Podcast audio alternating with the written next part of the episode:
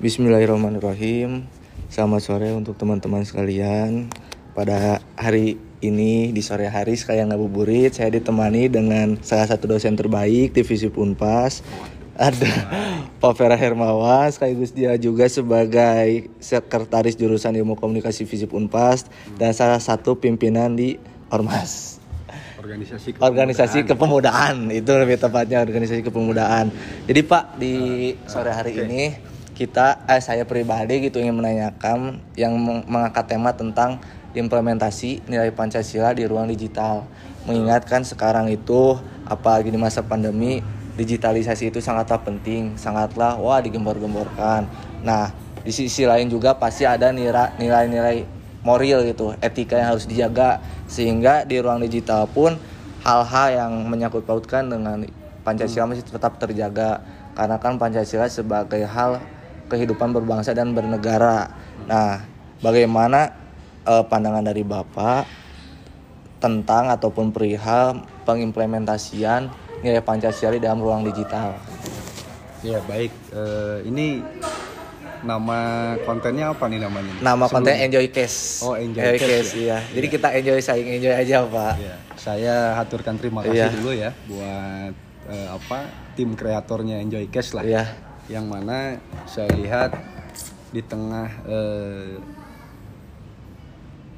kondisi pandemi Covid dan tidak seksinya isu idealisme Iya. dalam hal ideologi, tapi masih eh, berkomitmen lah untuk eh, mengopinikan yang namanya Pancasila di ruang digital ya. Iya. Dalam hal ini adalah eh, apa yang biasa digunakan oleh kelompok milenial atau Iya, kelompok betul. muda. Nah, sebelum kita masuk ke tataran ruang Hmm. digital dulu ya, gitu. Karena berbicara Pancasila dan eh, apa dan ruang digital itu sesuatu hal yang berbeda. Iya. Karena berbicara digital ini hanya alat sebetulnya. Hmm. Alat yang memang hari ini sangat begitu eh, seksi dimanfaatkan oleh anak-anak milenial Iya. gitu. Sehingga pada akhirnya eh, penyaluran yang namanya digital itu penting, Hmm. apalagi hari ini kalau kita melihat trending topik di Hmm. Twitter misalkan atau di YouTube atau di apa di Instagram Hmm. gitu ya. Itu eh, kemasannya itu jarang sekali anak muda yang mengedepankan isu-isu terkait dengan yang namanya bangunan eh, ideologi berbangsa dan bernegara dalam Iya. hal ini adalah Pancasila gitu. Iya. Justru mereka lebih sukanya eh, kontennya Atta Halilintar Iya. misalkan gitu Raffi ya. Ahmad, Raffi Nagita Ahmad dan sebagainya Iya. gitu. Jadi jauh sekali Iya. sebetulnya gitu mereka eh, apa tertarik minat ketika mendengarkan eh, apa isu terkait dengan Hmm. keberadaan daripada Pancasila. Nah, ketika itu menjadi ruang kosong Iya. ya. Ini ini agak serius dikit iya, lah iya. tambahannya lah biar kelihatan cerdas. Iya. enjoy, Pak. Iya. Jadi eh, agak biar kelihatan mahasiswa Iya. kan harus kritis. Iya, betul, betul. Nah, ruang kosong inilah yang dimanfaatkan oleh kelompok kepentingan Oh. yang berbahaya itu. Iya, iya. Apalagi pudarnya eh, implementasi daripada Pancasila di kelompok milenial itu bisa dikatakan eh, bisa saja terjadi. Hmm. Indikasinya apa? Munculnya yang namanya egosentrisme kelompok. Hmm. Ada pembelahan sosial. Iya, iya. Nah, yang bahayanya lagi ya nanti konflik horizontal gitu. Hmm, iya. Apalagi aset bangsa itu adalah milenial. Hmm. Bonus demografi di Indonesia Nah, ini luar biasa. Real bonus demografi, Pak itu. Apalagi Bandung nih, Iya. daftar pemilih tetap yang kategori pemula. Hmm. Itu yang dulunya 60% hari ini naik ke angka 73%. Itu data eh, statistik yang Iya. dikeluarkan oleh pemerintah Kota Bandung ya. Oleh karenanya apa? Ketika tidak paham bahwa budaya bangsa ini adalah Pancasila Hmm. bukan hanya ideologi gitu ya. Dan di dalamnya itu ada konsep bagaimana eh, persatuan itu menjadi sesuatu hal yang boleh dikatakan keniscayaan dan tidak bisa dihindarkan. Hmm. Betul. ini mulai-mulai tergerus gitu. Iya. Ketergerusan itu ya pada akhirnya dimanfaatkan oleh sekelompok orang yang memang memiliki niat untuk eh, mengadu dombakan tadi. Makanya muncul buzzer. Ya. politik misalkan. Ya politik buzzer ya. Tapi eh, tidak untuk eh, menguatkan demokrasi tapi justru untuk melemahkan demokrasi. Muncul ketidakpercayaan terhadap pemilihan langsung. Iya nah ini kan eh, im- apa problem. Iya yang hari ini terjadi gitu. Sehingga pada akhirnya literasi baca daripada eh, pentingnya pengamalan daripada pancasila itu ya. Yang terpenting itu kan implementatifnya. Ya betul pak. Bukan saukur dibaca pada saat Iya. upacara bendera. Iya betul. Walaupun itu pun juga penting. Penting. Karena Cuman apa? dalam reminder untuk ya mengingatkan ya gitu. betul mengingat karena eh, fenomena hari ini punten ya. Ya ada beberapa pesantren modern yang memang sudah tidak lagi melaksanakan upacara bendera oh gitu.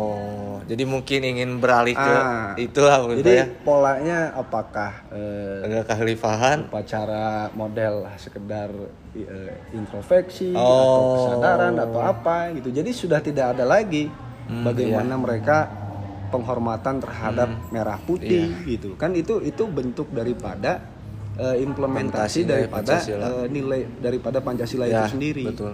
Nah, oleh karenanya ketika kita sudah tahu Hmm. problemnya seperti itu ya, apalagi munculnya eh, apa eh, milenial perempuan Iya. masuk ke area apa eh, Polda Hmm. Metro gitu Iya. ya, bawa airsoft dan akhirnya dia ditembak mati ya Iya. oleh sniper ya gitu. Itu itu fenomena. Fenomena apa? Ketika mereka banyak membaca literasi Hmm. yang memang niatnya itu untuk melemahkan nilai Pancasila itu sendiri gitu. ya Nah, bagaimana cara kita ya solusinya Hmm. agar eh, apa namanya eh, kelompok yang ingin melemahkan ideologi bangsa dan ujung-ujungnya adalah eh, apa persatuan ini ditiadakan gitu, tidak ada lagi negara kesatuan Republik Indonesia, membangun kesadaran sosial bersama gitu. Ya bahwa hari ini tidaklah mungkin Hmm. eh, apa namanya pembangunan ini terjadi dengan baik kalau masyarakatnya tidak peduli Iya. terhadap pembangunan itu sendiri. iya iya betul Oleh karenanya lebih baik kritis gitu. Iya. Ketika milenial hari ini, toh persoalan nanti solusi itu urusan pemerintah Iya, gitu. betul betul pak Jadi kritisi saja apa yang memang tidak sesuai dengan implementasi Hmm. Pancasila itu sendiri. Ketika misalkan eh, negara bertanggung jawab terhadap sarana peribadahan. iya Kalaulah di daerah itu tidak ada sarana peribadahan, ya kita wajar ketika melakukan kritik gitu. Hmm. Iya, betul, Adapun betul. solusi itu miliknya pemerintah. iya Karena lagi-lagi kelompok milenial yang mungkin hari ini tidak tergabung dalam ASN ya, iya hanya sekedar menjalankan kewajiban sebagai mahasiswa. Iya. Ya itulah ruang aktualisasinya mereka Hmm. gitu. Nah, implementasikan itu semua. Lalu yang paling penting ketika muncul yang namanya politik identitas. nah Nah, ini nih. iya Kalau ngomongin ruang digital jelang Pilpres Wah. ada kampret dan iya iya iya ini, pasti ini kan bikin bikin saya eh, apa bikin ruang demokrasi Iya. di digital Iya. itu tidak lagi berbicara ide konsep gagasan atau program iya betul ke depan gitu. tapi membangun figur mungkin Iya, ya tapi lebih ke figuritas kepada fanatisme nah kelompok. fanatisme ya betul betul pak Nah, ini yang berbahaya. Jadi demokrasi itu bukan berbicara eh, apa produk Iya. daripada Pancasila itu kan eh, musyawarah mufakat Iya. ya, demokrasi lalu pemilihan langsung. Mm-mm. Metodenya ya. Iya. Dan itu memang disepakati dan menjadi produk undang-undang eh, di di yang yang yang mana apa kepanitiaannya dikelola oleh KPU lah. ya. oh iya Nah, tapi tidak cukup di situ. Jadi ketika eh, apa pembelahan itu terjadi antara kelompoknya eh, pendukung A dan pendukung B gitu. Nah, di sinilah kelompok milenial itu harus terlahir sebagai perekat bangsa. gitu. Hmm. Karena lagi-lagi yang akan menikmati produk kebijakan itu adalah masyarakat, Ya. adalah publik gitu. betul betul Nah, siapa pun yang sebetulnya terpilih, Hmm. mereka itu ditugaskan dan diamanahkan sebagai pelayannya masyarakat. iya betul Hanya kebetulan saja Hmm. otoritas dan garis tangan Tuhannya kamu Iya. harus jadi pejabat. posisi saja yang membedakan pak ya Tapi pada prinsipnya presiden pun itu adalah rakyat. Iya. Betul. Jadi ketika presiden pun adalah rakyat dan pada akhirnya dia setelah jadi presiden pun jadi rakyat Iya, gitu. iya, betul. Yang mana yang menjadi mandatori politik berbicara Pancasila Hmm. itu adalah permasalahan atau kebutuhan daripada rakyat itu sendiri. Iya. Makanya eh, apa pesan sponsornya Iya, saya lah ya iya. terhadap eh, kelompok milenial kali ini sudah jangan terjebak lagi dalam ruang eh, apa egosentrisme kelompok. Iya. Ada faksi A, faksi B, faksi Iya. C gitu. Hmm, Jadi ada gerbong-gerbong Iya, lain. toh pada akhirnya yang namanya ide, Hmm. gagasan, metode itu nggak akan sama. Iya, pasti. Nah, justru yang dibutuhkan oleh bangsa ini itu adalah bagaimana kita mampu bermusyawarah mufakat. Iya. Caranya apa? Bangunlah yang namanya kesepemahaman. Kes- kes- Kesepemahaman daripada ide gagasan yang memang Hmm. sudah terlahir di antara para aktivis Iya. lah ya atau di antara kelompok milenial Hmm. sehingga itu nanti bisa ber- berkontribusi ya terhadap pembangunan yang ada di masyarakat Iya, hari ini lah. Masyarakat hari ini. Jadi eh, ruang publik hari ini banyak Hmm. yang sudah dibikin infrastrukturnya oleh pemerintah. Iya. Anggaplah taman kota yang ada di Bandung Iya. gitu ya. Tapi apakah aktivitasnya ada? Hmm. Jadi tidak terhenti di infrastruktur Iya, saja iya. gitu. Pemerintah sudah memberikan, apakah dipergunakan dengan baik oleh masyarakat? Nah, iya. aktivitasnya apakah seukur dipakai selfie, Nah, gitu ya? iya. nongkrong, Iya. celodean, gitu ya. Nah, saya kira ya bolehlah Hmm. melakukan itu. Tapi isilah aktivitas yang memang berkaitan dengan eh, isu-isu kebangsaan, Iya. dengan persoalan eh, kota atau Hmm. provinsi hari Iya. ini lah ya, yang memang itu eh, bisa menciptakan kelompok milenial itu lebih kritis Iya. dan mampu mengkomparasikan informasi yang dia dapatkan di ruang digital. Iya. Nah, dampaknya apa? Kita tidak akan terjebak oleh yang namanya hoax. Hmm. Ya. Karena apa? Komparasi data, literasi dan lain sebagainya gitu. Ketika kita dapat informasi dari media ini A dikomparasikan dengan media ini B, Iya. dikomparasikan dengan media ini C Hmm. gitu. Akhirnya ketika banyak informasi yang kita terima, kita yang bisa memilah itu semua. Hmm. Karena bisa membandingkan. Lalu kemudian eh, ruang digital hari ini muncul yang namanya media online yang Iya. segitu banyak, bahkan ribuan lah ya. Hmm. Tapi berapa media yang terdata ke Dewan Pers Iya. Yang memang mendapatkan sertifikasi lah Hmm. layak itu eh, dijadikan sebagai sebuah media Hmm. gitu ya baik dicek infrastrukturnya dicek eh, karyawannya dicek gajinya dicek kontennya dan Hmm. lain sebagainya gitu kan dan itu menjadi tugasnya Dewan Pers Iya.